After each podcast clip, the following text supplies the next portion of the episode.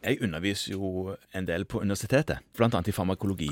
Ja. Og her om dagen så skulle jeg altså undervise to fag, eller to farmakologiske emner.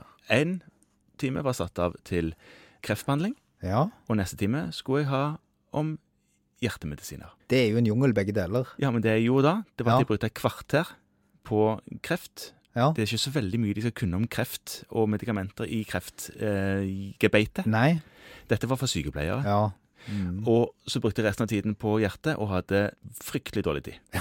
Hjertet er en vanvittig jungel av medisiner. Mm. Så når vi nå tenkte at vi skulle si litt grann om hjertesviktmedikamenter, Ja.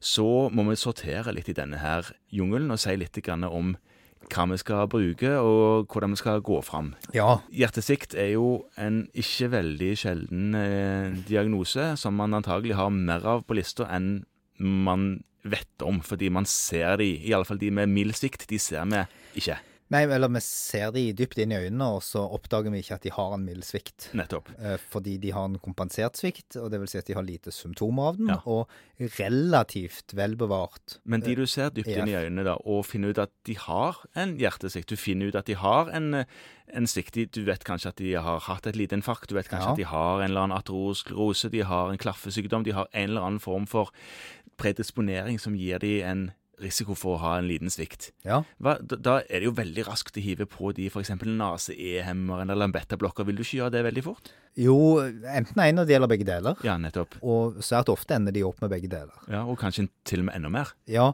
altså diuretika er jo kanskje nesten grunnforutsetningen i hjertesvikt. Eh, Ja. Disse pasientene de har en tendens til å retinere væske, Ja. eh, og den prøver vi å hjelpe de med å få ut. Mm. Sånn at de aller, aller fleste skal ha diuretika, og der styrer man mot trykk og saltbalanse. ja. Sånn at eh, mål elektrolytter og mål trykk, og få ut ødemene. Og diuretika er jo en legemiddelgruppe som ofte er eh, kombinert i samme tablett som en f.eks. ACE-hemmer. Ja. Så det er òg en veldig vanlig kombo. Det er en vanlig kombo, og det kan fungere greit. Og hvis det ikke er godt nok, så kan de få det nesten ved behov. Ja, Altså diuretika ved Ja. behov. Ja. Og da må de læres godt opp. Ja. Pasientopplæring, altså forståelse hos pasienten for hva hjertesvikten dreier seg om, ja, er vesentlig. nettopp. Som jo skyldes en redusert pumpefunksjon. Nå tror jeg vi skal holde oss til de som har en redusert pumpefunksjon, Ja, Ikke en kardiomyopati, Nei. f.eks. Nei. eh, for da blir eh, verden litt vond og vanskelig for en fastlege, og da tenker jeg at da får vi få, få hjelp av en voksen. Er det sant? Ja, og når de da har en redusert pumpefunksjon, så gir vi de da ACE-hemmere eller autoblokkere for å redusere perifer motstand. Mm. For rett og slett å prøve å lette arbeidet for hjertet. Ja. Sånn at det må jobbe mot et mindre mottrykk, og dermed får en lettere jobb. Ja. Høres jo veldig dramatisk ut med sånn hjertesvikt. Ja, pasienter liker ikke å vite at det er et så viktig organ som hjertet driver og svikter. Eh, Nei, og det, det høres jo litt ille ut, og da pleier jeg å bruke litt tid på at det er på en måte ikke en hjerte som svikter, men det er pumpefunksjonen som er nedsatt. Mm. Og det er viktig, og så, så kan man jo diskutere hva det betyr, men det betyr liksom ikke at hele greia holder på å gi seg nå. Det betyr at funksjonen er nedsatt. Ja. Og det kan høres litt lettere ut å leve med. Eh, Det andre medisinen, som jo er en sånn hjørnesteinsbehandling i hjertesviktbehandlingen, er beta-blokkerne God gammel betablokker, ja. redusere belastningen på hjertemuskelen. Ja. Hjertet får jobbe litt lettere. Mm. Eh, har jo noen kjente og kjære bivirkninger. Absolutt. Redusere pulsen. Hvis du sleit litt fra før, så får du ikke nødvendigvis bedre kondis. Nei, og hvis du har lyst til å trene for å holde deg slank, som jo er et godt poeng som en hjertesviktpasient, så er det òg vrient hvis du har for mye betablokkade. Ja, og nå kan noen kanskje si at de som får disse medisinene var ikke kjempespreke i utgangspunktet, men det hjelper ikke å gi en medisin som reduserer hjertefrekvensen. Nei. Så det må du være klar over. Men allikevel så bør en etterstrebe at disse pasientene helst står på en kombinasjon av en AC-hemmer og en betablokker og et diuretikum. Og mange av oss gjør det jo sånn at dit kommer vi Helt på egen på hånd. egen hånd Ja. har vi ikke sagt så mye om diagnostikken, eh, det har vi snakket om før, men, men vi kommer dit. Ja. Og så tar vi de på kontroll, og så har de kanskje fortsatt en del symptomer. Hva, hva nå? Ja, og du kan si at det, det er en retningslinje for denne. Retningslinjen som er preget av at du er kardiolog når du skriver den. Ja, Fordi den baserer mye på en undersøkelse som vi ikke gjør, nemlig ekko. ejeksjonsfraksjonen. Ja, de vil gjerne vite ejeksjonsfraksjonen. Ja, det er hvor mye av hjertets ende diastoliske volum som pumpes ut i systolen. Ja, Ja. det er det. Og det er klart at eh, det er svært vanskelig òg å synse om, selv som erfaren fastlege. Ja. Og det magiske tallet her er 35 ja. ja.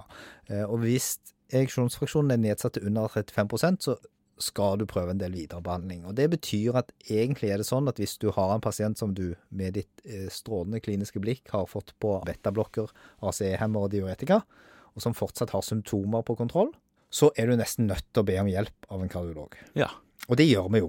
Det gjør vi jo. Vi henviser disse. Og de har en del andre medisiner som de ofte bruker for å komme videre i behandlingen. Det har de. Og da er det jo sånn Førstevalget etterpå er som oftest eh, spironolakton, som er en aldosteronantagonist, som gradvis opptitreres. For der kan du justere doseringen etter klinisk effekt. Ja.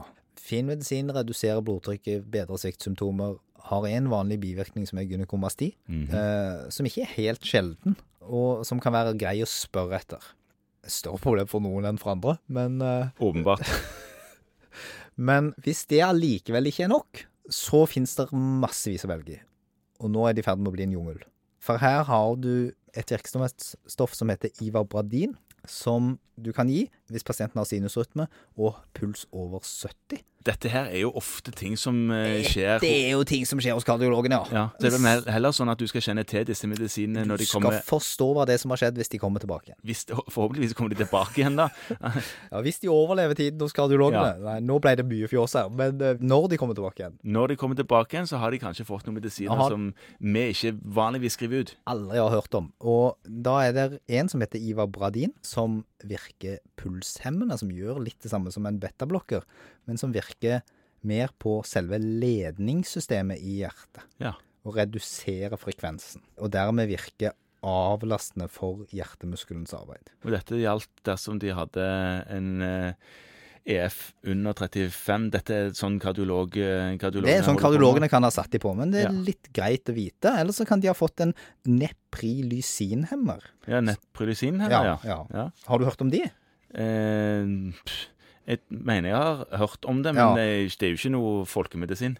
det den gjør, er at den senker peptider som nedbrytes av neprolysin. Og det er da disse Egentlig det som vi måler som BNP, Å ja, Ja. Den gjengen, ja. ja, som har eh, betydning for hjertets Vi kan ikke snakke om det, for det er sånn som du drev på å forske på i Det er doktorgraden sant. din. Det er sant. Eh, på akkurat hvilke mekanismer de går inn på, men de går inn og reduserer hjertets arbeidsbelastning. Ja, de gjør det. Altså, det er jo òg sånn, og det er viktig, at hvis de har fått en sånn neprolysinhemmer Så er det Ja. noen av oss som Eller noen av oss, jeg gjør det ikke så mye, men som, som har monitorert sviktbehandlingen med BNP. Ja, en del gjorde jo det. Iallfall tidligere Ja. så var det gjort ganske ofte. Eh, og det er litt vanskelig, men, men da kan man bli litt overrasket hvis de har fått en sånn neprolysinhemmer, for da vil BNP gå opp. Og det er behandlingen sin feil, ikke en forverring av svikten. Ja. Ja. Så det er litt viktig å være klar over. Ja, måling av BNP, det gjør jo, gjør jo en del ennå. Ja, og det er fornuftig på mange steder, og, og for så vidt greit å holde litt øye med, men da må man iallfall være klar over at enkelte deler av behandlingen som kardiologen har startet opp, kan ha fått den til å skyte i været. Nettopp. Greit å vite. Og dette er medisiner man kan prøve hvis pasienten fortsatt har dårlig ereksjonsfraksjon og symptomer på hjertesvikt, Ja. til tross for optimal behandling med de vanlige tingene, AC-hemmer slash A2-blokker, beta-blokker og diuretika. Ja. Og Det er ting som skjer hos spesialistene, det er de som skal starte opp sånn. Ja. Men vi må vite hva det er de har holdt på med. Og vi får de tilbake igjen med beskjed om å videre oppfølging hos Fastlege. fastlegen. Den tradisjonelle siste setningen på enhver epikrise for tiden. Ja. Og så er det sånn at hvis alt dette ikke funker, eller at ingenting av det funker, så er det faktisk indikasjon for å henvise de tilbake igjen med spørsmål om ICD, Ja, ja, som kan funke for noen, og endeproduktet er transplantasjon. det er jo siste skanse, det, da. Ja. Men det gjelder jo ikke alle, åpenbart. Det gjelder heldigvis svært få. Ja.